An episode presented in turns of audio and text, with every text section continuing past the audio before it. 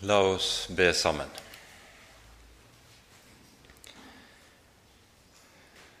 Kjære du vår Gud, du vår Far. Vi takker og lover deg for all din nåde og for all din godhet imot oss. Takk, Herre, at du har gitt oss dine ord, og i ordet også gir oss din egen sønn så ber vi, Herre, at du vil sende din ånd og gi oss åpne ører og lyttende hjerter, slik, Herre, at ordet ditt også kan få gjøre sin gjerning hos oss. Herre, forbarm deg over oss. Amen.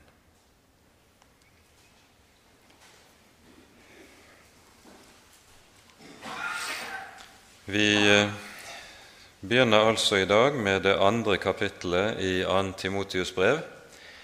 Og eh, vi eh, skal ta for oss de 13 første versene i dette kapittelet i kveld. Og vi leser dette i sammenheng nå til å begynne med. Så bli da du, min sønn, sterk ved nåden i Kristus Jesus. Det du har hørt av meg i mange vitners nærvær, overgi det til trofaste mennesker som også er i stand til å lære andre. Lid ondt med meg som en god Kristi Jesus stridsmann.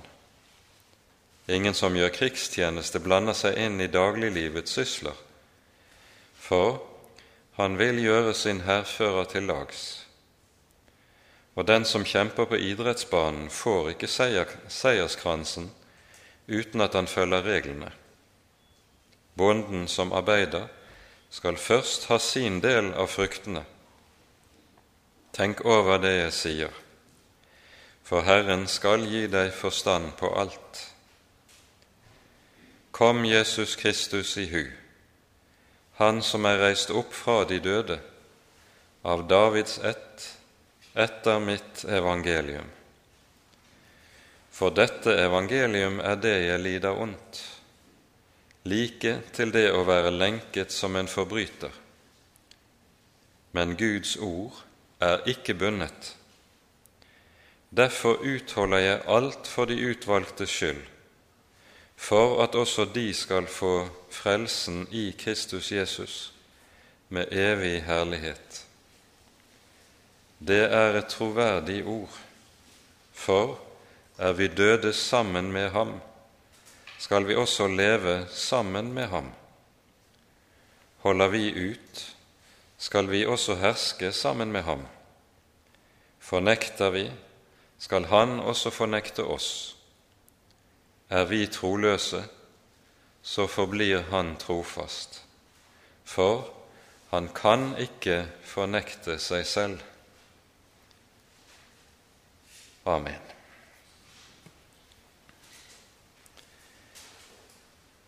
Avsnittet som vi her har lest, det tar opp den i, til å begynne med den tråden som eh, vi har møtt gjennom hele det første kapittelet. Når apostelen skriver dette brevet til Timotius, så er det for ikke bare å gi det vi har pekt på, er et åndelig testamente. Det er jo Paulus' avskjedsbrev, så å si. Men også for å hjelpe sin unge venn fordi det er helt tydelig han har en natur som er fryktsom. Han er lett for å bli motløs, for å miste frimodigheten. Så på ny og på ny så søker Paulus å hjelpe ham i det som er hans personlige strid med seg selv, med sitt eget hjerte. Det kunne derfor høve at vi sang sånn som vi gjorde i åpningssalmen i det siste verset. Du trøster, hjelp oss i vår nød. så vi aldri frykter dom og død. La oss ei fortvile i de tunge dager, når den onde frister alt vårt liv anklager. Det er for slik å hjelpe Timotius at Paulus også skriver dette brevet. Vi legger merke til ordene i det første verset her i kapittel 2. Bli da du, min sønn, sterk ved nåden i Kristus Jesus. Vi legger merke til hvordan Paulus ordlegger seg så helt annerledes enn det som er vanlig blant oss mennesker. Han kommer ikke og sier at 'nei, nå må du se til å skjerpe deg'. Nå får du ta deg sammen. Du kan ikke gå rundt og henge med hodet på denne måten. I stedet sier altså Paulus, bli sterk ved nåden. Med det peker Paulus på noe som er helt avgjørende i eh, alt kristent liv overhodet. Det er ikke loven og lovens formaninger som bringer styrke og frimodighet til et kristent menneskes hjerte, men det er evangeliet og evangeliet alene. Og Derfor sies det altså 'bli sterk ved nåden'. For det er den nåde, dvs. Si evangeliet om hva vi eier i Jesus, det er det som gir et kristent menneske den rette styrke. Og Dette temaet kommer apostelen tilbake til på ny og på ny gjennom hele brevet. Den styrke det her er tale om, den består, som vi også har vært inne på det i forbindelse med kapittel 1, først og fremst i to hovedsaker. For det første dreier det seg om frimodighet. Det å få lov til å få se inn i evangeliet og hva det betyr, hva det innebærer for et Guds barn, det gir en kristen den rette frimodighet. Da kan han løfte hodet, da kan han rette ryggen, om børene er aldri så tunge, og motgangen er aldri så svær. For det er evangeliet som er kilden til all frimodighet over hodet. Derfor er det vi også hører Paulus si i Efeserbrevet at det er Jesus Kristus som er vår adgang og vår frimodighet for Gud. I Jesus har vi alt dette. For det andre så består en kristens styrke i utholdenhet. Og det er nettopp noe av det som eh, Timotius ganske særlig trenger. Han er en fryktsom natur, en natur som ser ut til å ha lett for å gi opp i møte med vansker, i møte med nød og motgang. Og nettopp Derfor er det han i særlig grad trenger det som heter utholdenhet. Og utholdenhet er en meget viktig side ved et kristent menneskes styrke. Vi pekte på forrige gang at når det gjelder det fysiske liv, eller idrett, så er det to typer styrke. Du har den styrken som en hundremeterløper kan vise, som er eksplosiv, men som ikke holder ut mer enn ganske, ganske kort tid. Og så har du den typen styrke som en maratonløper kan vise. Han kan slett ikke springe så raskt som 100-meterløperen, men han holder ut, om det varer aldri så lenge. Og nettopp denne typen styrke som maratonløperen eh, står i, den viser noe, også noe av hva som er kjernen i kampen. For det som en maratonløper gjerne forteller, det er at kampen først og fremst består i å kjempe med seg selv. Og det er det også den kristne utholdenheten dreier seg om. Man ser noe av og kjenner til svakheten i sitt eget bryst, og så består kampen i å kjempe med seg selv. Og det er den styrke evangeliet gir. En styrke som har det med seg at evangeliet stadig er nytt. Når det sies, som vi hører det i klagesangene i det tredje kapittel, din miskunnhet er ny hver morgen, så er det nettopp dette å få lov til å se inn i Herrens miskunnhet dag for dag, hver morgen. Det er det som også gir utholdenheten, kraften til å holde ut, om det enn skulle drøye lenge. Og så sier Jesus i sin endetidstale, når han taler om de svære vansker som Guds folk skal gå gjennom henimot historiens avslutning Den som holder ut til enden, skal bli frelst. Og så forstår vi hva det er som gir en kristen hans utholdenhet. Bli da du sterk ved nåden i Kristus Jesus. Det er det som er hemmeligheten. Dette er også bakgrunnen for at der en kristen kommer inn under loven, der han mister evangeliet av syne, der vil det meget fort lede til oppgitthet, åndelig utmattethet og alt det som henger sammen med det.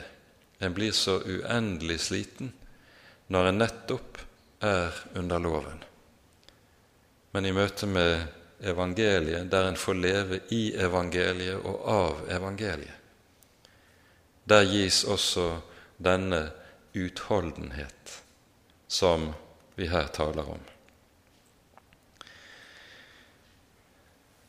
Denne utholdenhet den skal også vise seg i særlig grad i den tjeneste som Timotius har fått ansvar for. I vers 2 lyder det:" Det du har hørt av meg i mange vitners nærvær, overgi det til trofaste mennesker som også er i stand til å lære andre. På ny hører vi at Paulus understreker det som har med læren og lærens betydning. Dette er helt avgjørende, ser vi, i, eh, i Paulus sine brever, og det er noe Paulus ganske særlig understreker med stor tyngde i dette som vi kaller pastoralbrevene, Timotiusbrevene og Titusbrev. Han taler hyppig om den sunne lære.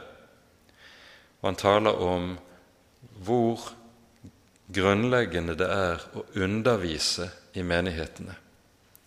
For uten undervisning i Guds ord og en stadig pågående slik undervisning vil det heller ikke kunne bli åndelig vekst i den troende menighet. Læren Undervisningen er forutsetningen for den åndelige vekst. I våre dager så er man jo meget opptatt av det som kalles for kirkevekst. Og med det tenker en da på numerisk vekst. Det er så, kan det synes, viktigere enn alt annet at det skal være numerisk vekst i menighetene. Det som imidlertid ser ut til å være det som har hovedfokus i Det nye testamentet, er ikke en kvantitativ vekst, men en kvalitativ vekst. Vekst i nåde og i kjennskap til Herren, som kan føre frem mot åndelig modenhet. Og til det er det altså avgjørende med læren, undervisningen. Det Timotius skal sørge for, er ikke bare at han for sitt eget vedkommende skjøtter læreembetet trofast og legger stor omsorg i arbeidet med det, men han skal også se til at stafettpinnen går videre, at det så å si ikke er slutt med ham når han er borte. Det er med andre ord slik at en skal ikke bindes til Timotius' person, men menigheten skal bindes til læren og til avhengigheten av Guds ord, og så skal en sørge for at denne går videre. I kirkehistorien har man talt om det som kalles for den apostoliske suksesjon. Det er et begrep som anvendes i katolsk teologi, og som, ta, som sikter til at eh, embetet har gått videre i den forstand at den første biskop la hånden på sin etterfølger og innviet ham til tjenesten, og han la så i sin tur hånden på sin, sin etterfølger, og så har det vært en ubrutt kjede, slik av håndspåleggelse med innvielse til embetet oppover gjennom historien. Og Med uttrykket 'den apostoliske suksesjon' så mener en da at ingen har en rett innvielse til embetet hvis en ikke har fått en håndspåleggelse som er i forlengelsen av denne kjeden som har gått helt fra apostlenes dager. I dette vi hører i vers 2, så hører vi at det apostelen sier skal gå videre i menighetene, det er ikke en kjede av håndspåleggelser som kun blir en ytre seremoni av rent kjødelig slag, dersom ikke det som er det avgjørende, går videre, nemlig at læren skal overgis. Det skal være den som skal gå videre i en ubrutt kjede fra slekt til slekt i Guds folk. Det er det det dreier seg om, og det er det Guds ord taler om for oss. Og når vi hører at det sies 'overgi det til trofaste mennesker', så består trofasthet eller troskap her i det som vi kan høre om i Femte Mosebok, når Moses underviser Guds folk før han skal forlate dem. Så sies det du skal ikke legge noe til det ord du hører, og du skal ikke trekke noe fra. Troskap består nettopp i det. Ikke å legge noe til Guds ord, ikke trekke noe fra Guds ord, men at ordet får lov til å stå uantastet av oss i det det Guds ord jeg har mottatt, det gis videre i uendret skikkelse. Og det er dette Timotius skal legge stort vind på i sin tjeneste i menigheten i Efesos.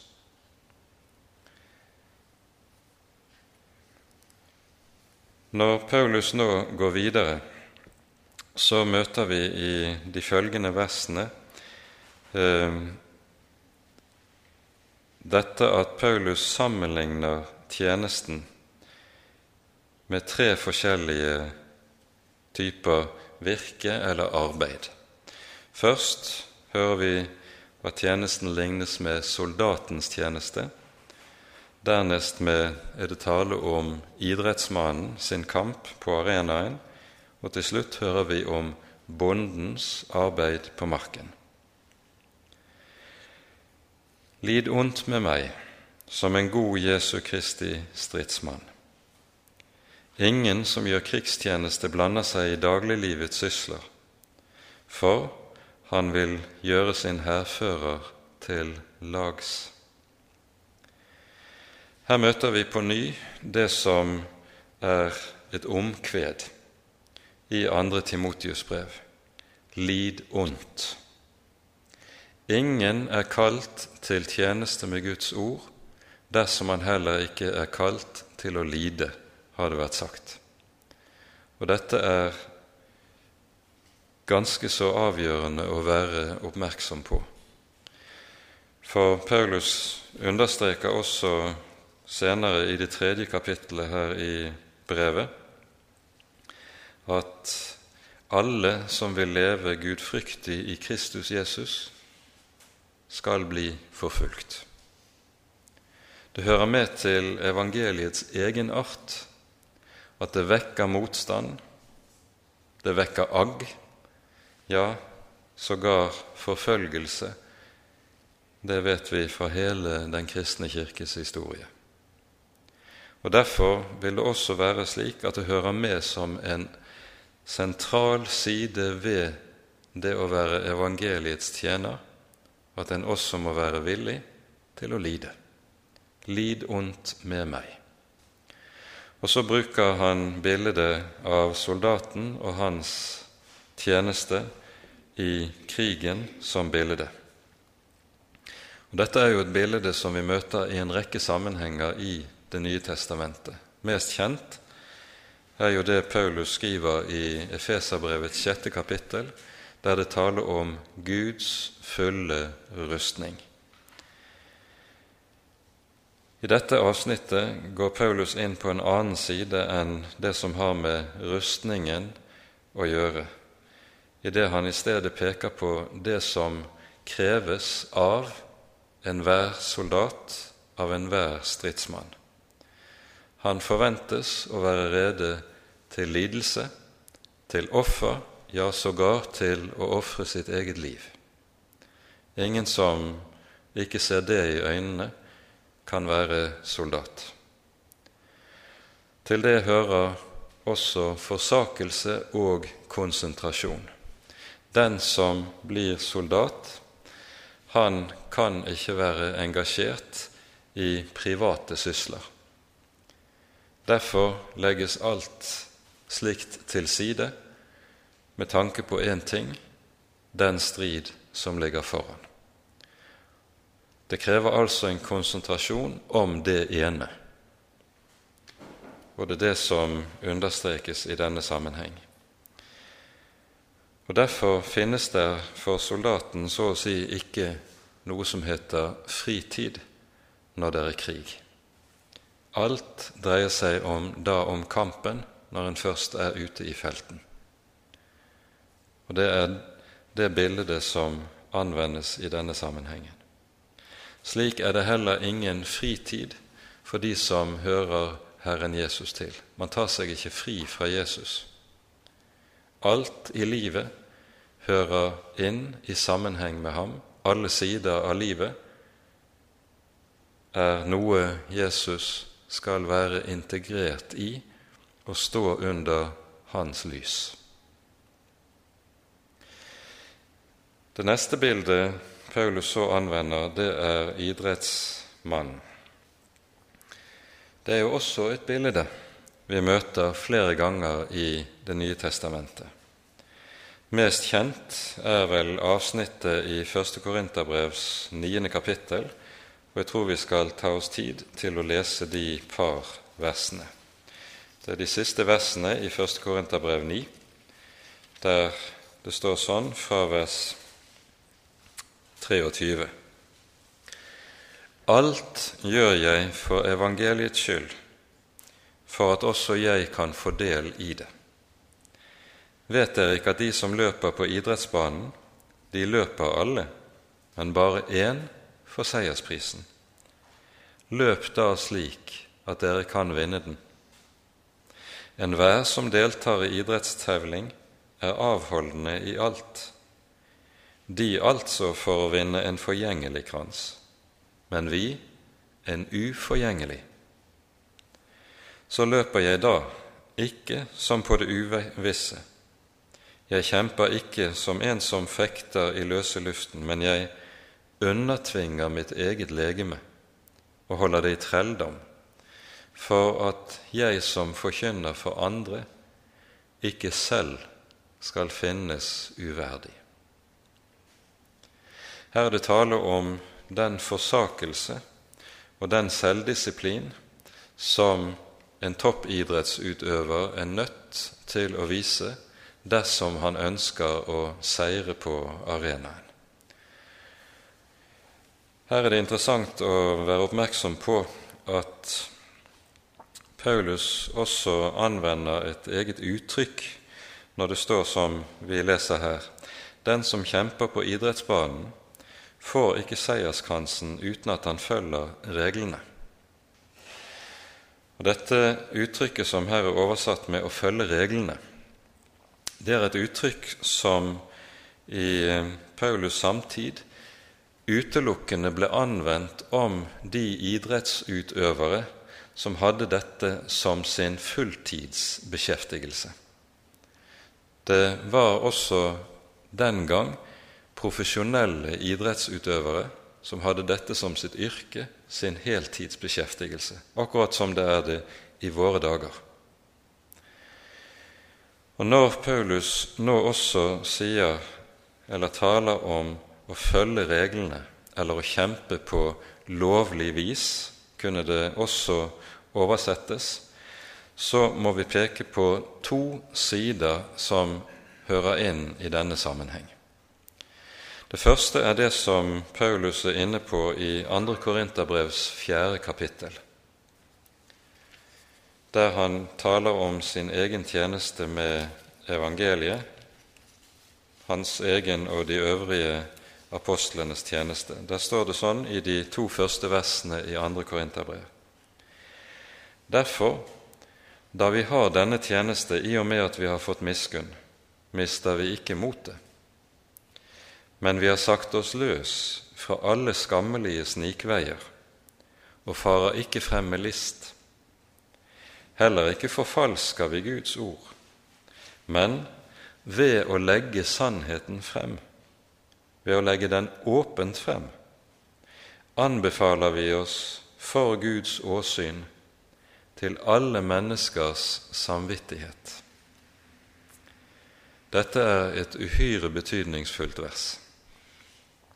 Det Paulus med dette peker på, er for det første når han sier at vi ikke går farer med skammelige snikveier, så betyr det i sin, sitt virke for evangeliet så forsøker verken han eller apostlene for øvrig å manipulere mennesker eller bruke manipulerende virkemidler for å vinne oppslutning. Dette er noe som de som er tjenere i Guds rike, gjennom alle tider trenger særlig å merke seg. Men altfor ofte ser det ut til at det nettopp er en fristelse en faller i en bruker manipulerende virkemidler for å kunne dokumentere resultater av sitt kristne arbeid. Dette viser seg ikke minst i ulike sammenhenger hvor en f.eks. kan bruke musikk på en spesiell måte for å påvirke mennesker. Musikk er et av de mest virkningsfulle manipulasjonsmidler som finnes. Og Derfor er det nødvendig at de som arbeider i Guds rike, er meget klar over hvordan de anvender sang og musikk i sin sammenheng. Og Jeg våger den påstand at store deler av den moderne lovsangskulturen som en finner i mange kristne sammenhenger, det er manipulerende bruk av musikk. En manipulerer menneskers følelsesliv, og så får en det en kaller for resultater på et slikt grunnlag. For det andre kan en altså også spille på menneskers følelsesliv. Det er en del predikanter som er meget flinke med det. Med sentimentaliserende virkemidler i sin tale kan en få mennesker rørt. En kan få jaget opp stemningen i et vekkelsesmøte så mennesker blir rørt til tårer. Men omvendelse som skapes på et slikt grunnlag, er ikke holdbart. Her kan det være nyttig å minne seg selv om en historie som fortelles om Hallesby. Han hadde hatt møter et sted i landet, og etter møtet han hadde hatt på kvelden, så var det en som kom frem og sa til ham at han ønsket å overgi seg til Gud. Han ville gjerne bli en kristen. Ja, det var godt, det, sa Hallesby. Gå hjem og tenk på det, så kan vi snakkes i morgen. Det er sunn nøkternhet. Han visste om faren for at noe kunne kun dreie seg om rørelse, i stedet for at det var reell om hjerteomvendelse. Og når en kom hjem og hadde sovet på det, da var følelsene fordampet. Og hvis det da var noe som hadde rot, som var reelt og som gikk dypt, da ville det stå. Da ville det bære, og da ville han komme tilbake dagen etter.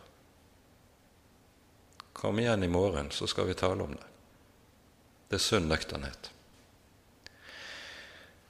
Og Det er dette altså Paulus er våken for at en skal unngå i arbeidet med forkynnelsen.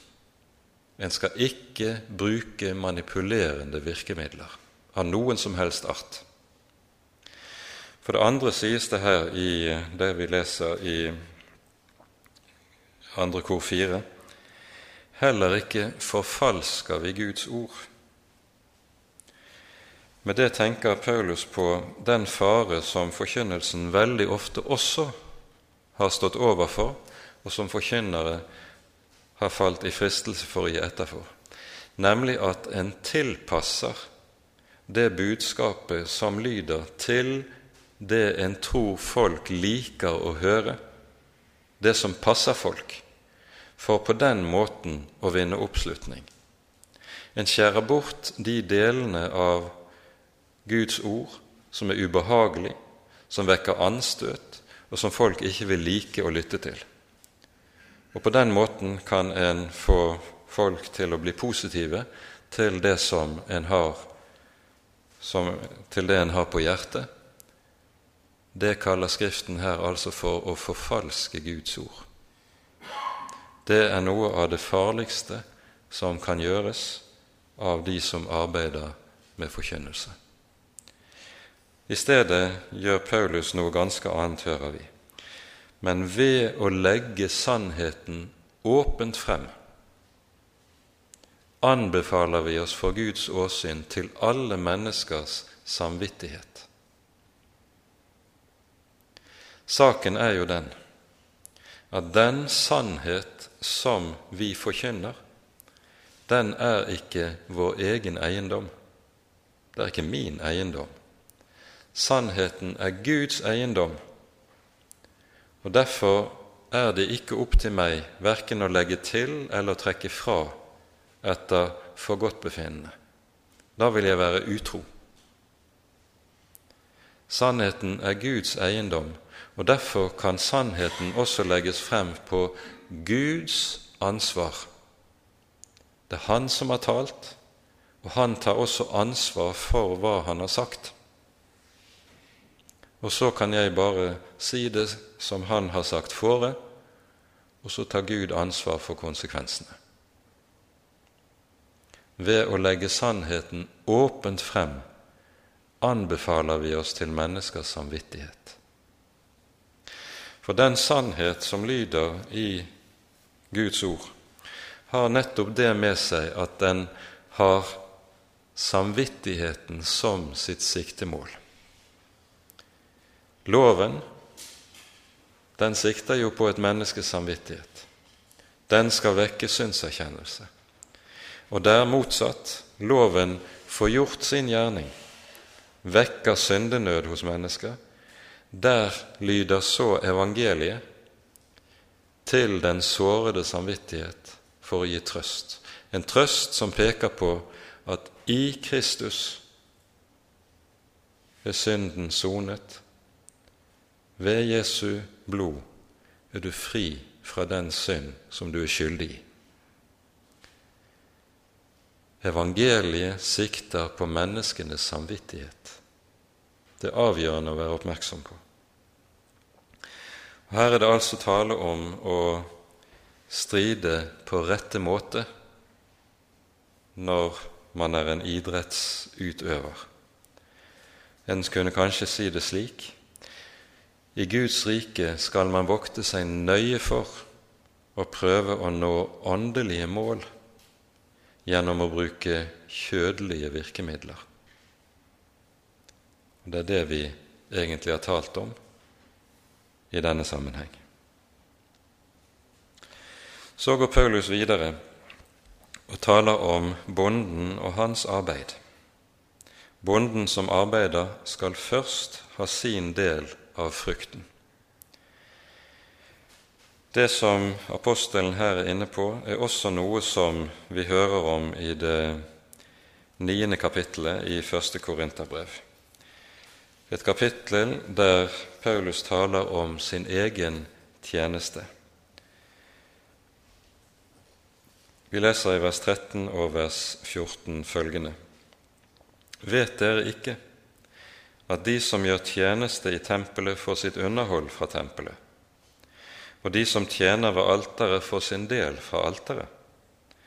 Slik har også Herren fastsatt for dem som forkynner evangeliet, at de skal leve av evangeliet. Det Paulus i denne sammenheng taler om direkte, det er jo at menighetene er forpliktet til å underholde og oppebære de som har tjenesten med evangeliets forkynnelse i deres midte. De som forkynner evangeliet, skal leve av evangeliet. Men dette har også en dyp åndelig betydning, nemlig at den som forkynner evangeliet, skal selv være avhengig av det evangelium han bærer frem for andre. Og Dette er også noe av betingelsen for at evangeliet riktig kan være levende når det bæres frem og forkynnes. I det forsamlingen alltid vil merke om det evangelium som lyder, er noe som predikanten selv har bruk for om dette er noe han selv lever av, eller om det bare er teori og pene ord som egentlig ikke har synderlig rom i hans eget hjerte. Den som forkynner evangeliet, skal leve av evangeliet. Dette er en grunnlov for alle de som skal stå i slik en tjeneste i Guds rike. Så slutter akkurat dette avsnittet da med ordene vi hører i vers 7. Tenk over det jeg sier, for Herren skal gi deg forstand på alt. Her peker apostelen på ny på en sak som er meget viktig når det gjelder alt det som vi møter i Guds ord. For rett å forstå Guds ord kreves det to ting. Først det å grunne over Guds ord. Tenk over, grunn på det jeg sier. Det er jo dette som er den første salmen i Salmenes bok. Det er det den dreier seg om. Salig er den mann som ikke står i ugudeliges råd, osv., men har sin lyst i Herrens lov og grunner på Hans lov dag og natt. Å grunne på og tygge drøv på Guds ord, det er noe som er sentralt for i det hele tatt å kunne forstå hva ordet sier. Og Samtidig er saken også den at rent menneskelig intellektuell aktivitet gir ikke forstand i Guds ord. Det kreves også en annen sak, nemlig at Herren selv ved sin Hellige Ånd åpenbarer og gir lys i Ordet. Og det er disse to ting Paulus holder sammen i dette vi hører i vers 7. Grunn på og Herren skal gi. De to ting hører sammen. For en rett grunnen på Guds ord hviler alltid i dette at jeg vet meg avhengig av at Herren selv ved sin ånd kommer og åpenbarer ordet for mitt hjerte. Så fortsetter Paulus, og nå vender han tilbake til dette som Timotius trenger så sterkt for sin egen del. Kom Jesus Kristus i hu. Dette kan synes som en merkelig formaning. Kom Jesus Kristus i hu. Er det ikke en selvfølge at det troende mennesket husker Jesus Kristus. Og ikke minst en som står i forkynnelsens tjeneste, sånn som Timotius. Hvorfor kommer en slik formaning? Jo, den kommer nettopp inn i det som er Timotius' nød. Hans fryktsomhet, hans tendens til kanskje sågar å skamme seg over evangeliet, til å bli motfallen og til å bli motløs. Det som vi her møter, det er Paulus' måte å si samme sak på som vi hører forkynt for oss i Hebreabrevet i det tolvte kapittelet, i innledningen der. Vi leser de tre første versene her. Så la oss derfor, da vi har så stor en sky av vitner omkring oss, legge av alt som tynger og synden som henger så fast ved oss, og løpe med tålmodighet i den kamp vi har foran oss, med blikket festet på Jesus, han som er troens opphavsmann og fullender. For å oppnå den glede som ventet ham, led han tålmodig korset, uten å akte vanæren, og har nå satt seg på høyre side av Guds trone. Ja, gi akt på ham som utholdt en slik motstand fra syndere, for at dere ikke skal gå trett i deres sjeler og bli motløse. Det er nettopp disse ting Timotius sto overfor å bli trett og bli motløs. Gi akt på ham. For nettopp dette er jo hemmeligheten i det kristne liv. Det store spørsmålet er nemlig hvor er mine øyne rettet? Vi har så altfor lett til å rette øynene inn mot vårt eget bryst og mot vårt eget hjerte. Da kommer motløsheten. Da kommer trettheten. Da kommer fortvilelsen gi akt på ham. Det å få lov til å løfte blikket og se Jesus. Det å få møte andre troende som hjelper meg til det, for det er ofte jeg ikke kan det av meg selv.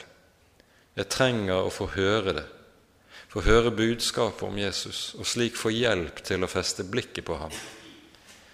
Det er det som er det eneste reelle motmiddel mot motløshet, tretthet og fortvilelse i det kristne liv. Gi akt på ham. Med blikket festet på Jesus. Det er det det dreier seg om. Og Dette ser vi når Paulus taler videre i denne sammenheng. Kom Jesus Kristus i hu, Han som er reist opp fra de døde, av Davids ett etter mitt evangelium. I andre Korinterbrev så er Paulus inne på noe av det det her dreier seg om. Han taler i kapittel 1 i dette brevet om den store trengsel han sammen med noen medarbeidere var igjennom i Asia. Vi leser i vers 8 og vers 9 i det første kapittelet i andre Korinterbrev. Vi vil ikke, brødre, at dere skal være uvitende om den trengsel vi måtte gjennomgå i Asia. den var over all måte tung, tyngre enn vi var i stand til å bære, så vi til og med tvilte på om livet sto til å redde. Vi regnet oss alt som dødsdømte, for at vi ikke skulle stole på oss selv, men på Gud, Han som reiser opp fra de døde. Legg merke til dette. Når Paulus altså står oppe i en livsfare der det ser ut til at det ikke er noen vei ut, der er ingen annen utgang enn døden på det, så gjør Paulus dette opp med seg selv. Ja vel, så får vi dø. Men er det noen fare? Vi tror jo på Ham som reiser opp fra de døde. Og så kan han dog være frimodig, være frimodig i livsfaren, i møte med døden og hva det enn måtte innebære. For vi tror jo på Han som reiser opp fra de døde. Det er dette Paulus vil minne Timotius om.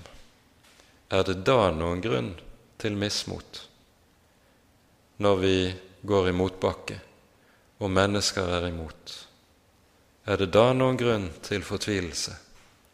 Vi tror jo på Ham som har seiret over død og grav. Kom Jesus Kristus i hu, sier apostelen til sin motløse venn. Og så fortsetter han i det niende verset. For dette evangelium er det jeg lider ondt, like til det å være lenket som en forbryter. Men Guds ord er ikke bundet. Og så peker apostelen på noe av det som midt inn i fangenskapet også er med og gir ham frimodighet. Han vet at de nok kan binde ham, men de kan ikke binde Guds ord. For det har fått ben å løpe på. Den hellige ånd sørger for det. Guds ord løper og er ikke bundet. Og så vet han sågar denne hemmelighet som Tertulian senere setter ord på, at martyrenes blod er Kirkens sæd. Nettopp det at evangeliet forfølges, det at Herrens tjenere bindes og kastes i fangenskap, nettopp det virker at evangeliet går frem desto sterkere. For Guds ord kan ikke bindes, og er ikke bundet. Når Paulus her taler om å være lenket som en forbryter, så er dette ganske bokstavelig å forstå.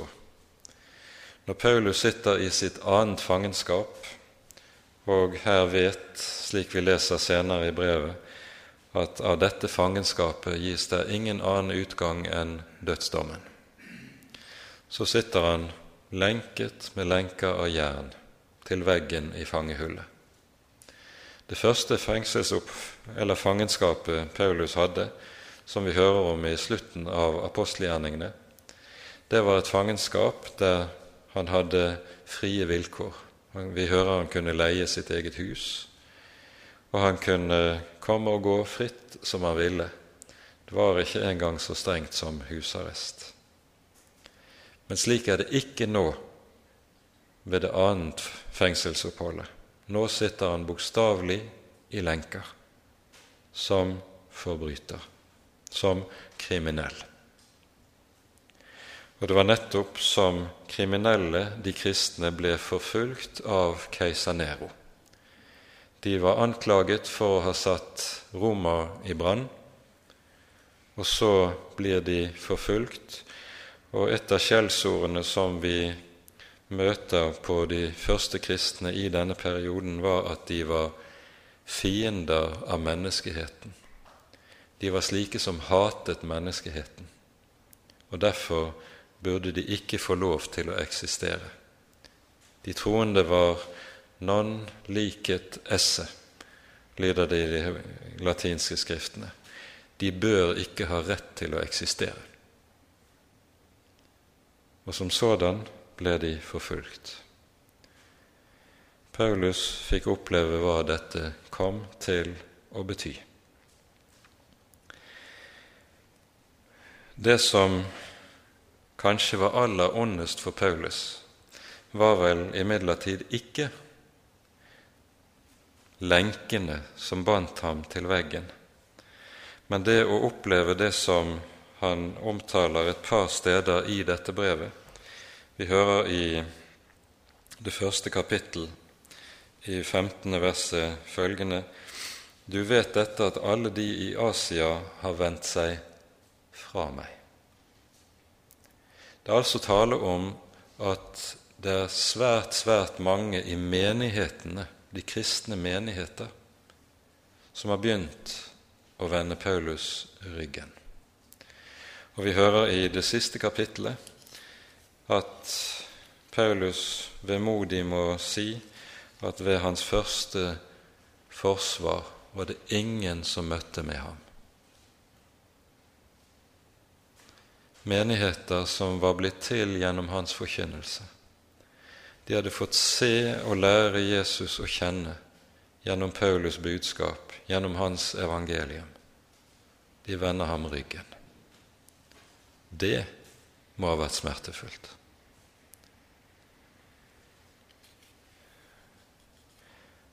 Og så ser vi samtidig allerede i nytestamentlig tid noe som senere har gått igjen gjennom, om igjen og om igjen gjennom Kirkens historie, det er at menighetene vender Paulus ryggen, dvs. Si, vender Paulus budskap ryggen. I våre dager er det jo slett ikke så sjelden at vi hører folk si dette er jo bare noe som Paulus har sagt, og så blåser man av det. Vi tror på Jesus, men ikke på Paulus. Dette er bare en ny variant av nøyaktig samme sak. En vender ham ryggen. Herrens tro apostel. Det er intet nytt under solen. Men vi hører også i dette Paulus' hjerteslag, for han fortsetter Men Guds ord er ikke bundet. Derfor utholder jeg alt for de utvalgtes skyld for at også de skal få frelsen i Kristus Jesus med evig herlighet. Det er én sak som ligger Paulus på hjertet at mennesker må bli frelst.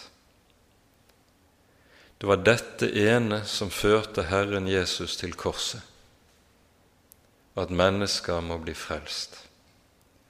Og det er dette ene som er Paulus sitt hjerteslag, at mennesker må bli frelst.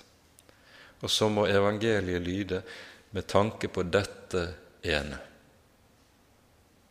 Jeg utholder alt for de utvalgtes skyld, for at de skal bli frelst.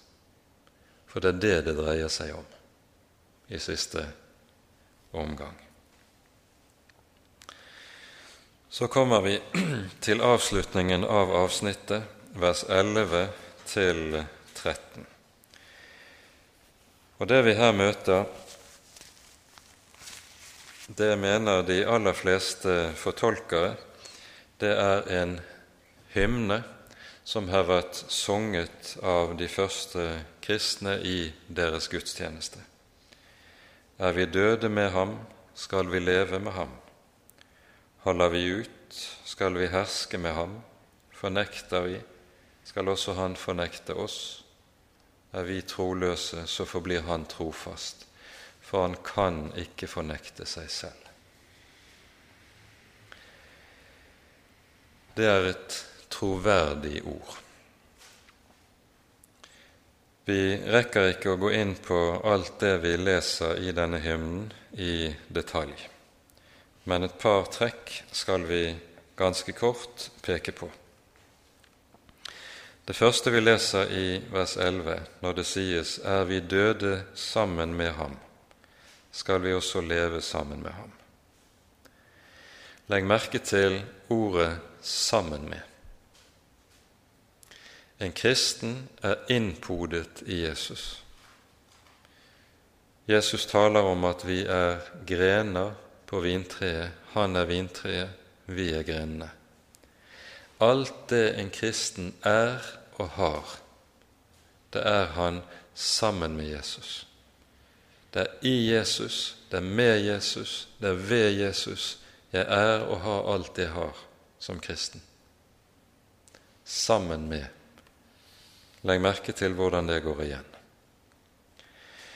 Og Dernest er det her ikke bare tale om den fysiske død og den fysiske oppstandelse, men det er også tale om det som er så sentralt i Romerbrevets sjette kapittel, at det kristne liv er et liv som består i et samfunn med Jesus i hans død og oppstandelse.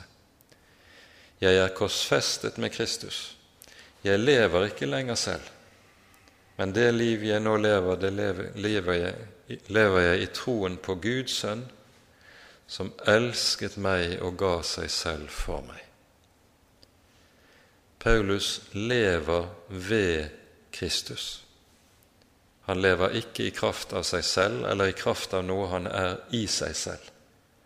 Han lever i kraft av det han er i Jesus. Så er han død fra seg selv for å leve ved ham. Dernest holder vi ut, skal vi også herske sammen med ham. Dette er en svært en svær sannhet som vi møter en rekke steder i Skriften. Både i 1. Korinterbrevs tredje kapittel er det tale om dette, og i åpenbaringsboken likeledes. Og Det som er tankegangen, er at det som vi hører om i forbindelse med menneskets skapelse i Første Moseboks første kapittel, når mennesket er skapt i Guds bilde, og etter hans lignelse, så står det at Herren Gud satte mennesket til å råde over fisken i havet og fuglene under himmelen og dyrene på jorden, oppfyll jorden og bli mangfoldige og legg den under dere, lyder det i Guds velsignelsesord til Adam og Eva. Denne rådemakt over skaperverket som mennesket var skapt til, ifra begynnelsen av, den har mennesket pervertert og ødelagt i og med syndefallet. Når det nå sies at vi skal herske med ham eller råde med ham i oppstandelsen, så menes det med det at det er det herreveldet over skaperverket som ble ødelagt ved fallet, men som hva mennesket var skapt til. Det er gjenreist, det er fornyet, det er det som realiseres etter sin første hensikt i oppstandelsen. Holder vi ut med ham, skal vi herske med ham. Det er det som var i begynnelsen, som nå når sitt egentlige mål. Fornekter vi, skal han fornekte oss. Jesus taler jo om det samme i Matteusevangeliets tiende kapittel. Den som bekjenner meg for menneskene, han skal også jeg vedkjenne meg for min Fader i himmelen. Men den som fornekter meg for menneskene, han skal jeg fornekte for min Fader i himmelen. Men så føyes det til, og det kommer som en overraskelse, som samtidig er uhyre trøstefullt. Er vi troløse, så forblir Han trofast. For dette er jo det som er et kristent menneskes største nød. Det er den troløshet jeg ser i mitt eget liv og i mitt eget hjerte, og som kommer til uttrykk i min stadige synd. For vi er syndere fortsatt om vi aldri så mye tilhører Jesus. Synden bor i vårt eget hjerte, og synden slår ut om igjen og om igjen. Og av og til i den største troløshet. dette er en kristens nød. At jeg i så liten grad lever for ham som levet for meg og døde for meg. Men så lyder det altså at om jeg er troløs, så er Han trofast. Om jeg faller i synd, så er Han en som stadig og trofast tilgir. For Skriften sier Hans miskunnhet varer til evig tid. Det er ingenting i denne verden som varer. Alt har sin tid. Noe varer kort, noe varer lenger, men intet varer bestandig. Det eneste som varer bestandig, er Herrens miskunnhet. Han har gitt og gir en stadig nåde for vår stadige synd. Og var det ikke slik, kunne ingen av oss bli frelst. Er vi troløse, så er Han trofast. Og merk begrunnelsen. For han kan ikke fornekte seg selv. Det er en begrunnelse som inneholder en veldig dybde. Når det nemlig sies at han ikke kan fornekte seg selv, så pekes det med dette på at han er den som er ett med sitt eget ord. Det han har sagt, kan han ikke gå fra. Og det ord han har gitt i sitt evangelium, evangeliet om synderes frelse, det er et ord som han står inne for med sitt eget liv og sin eget blod.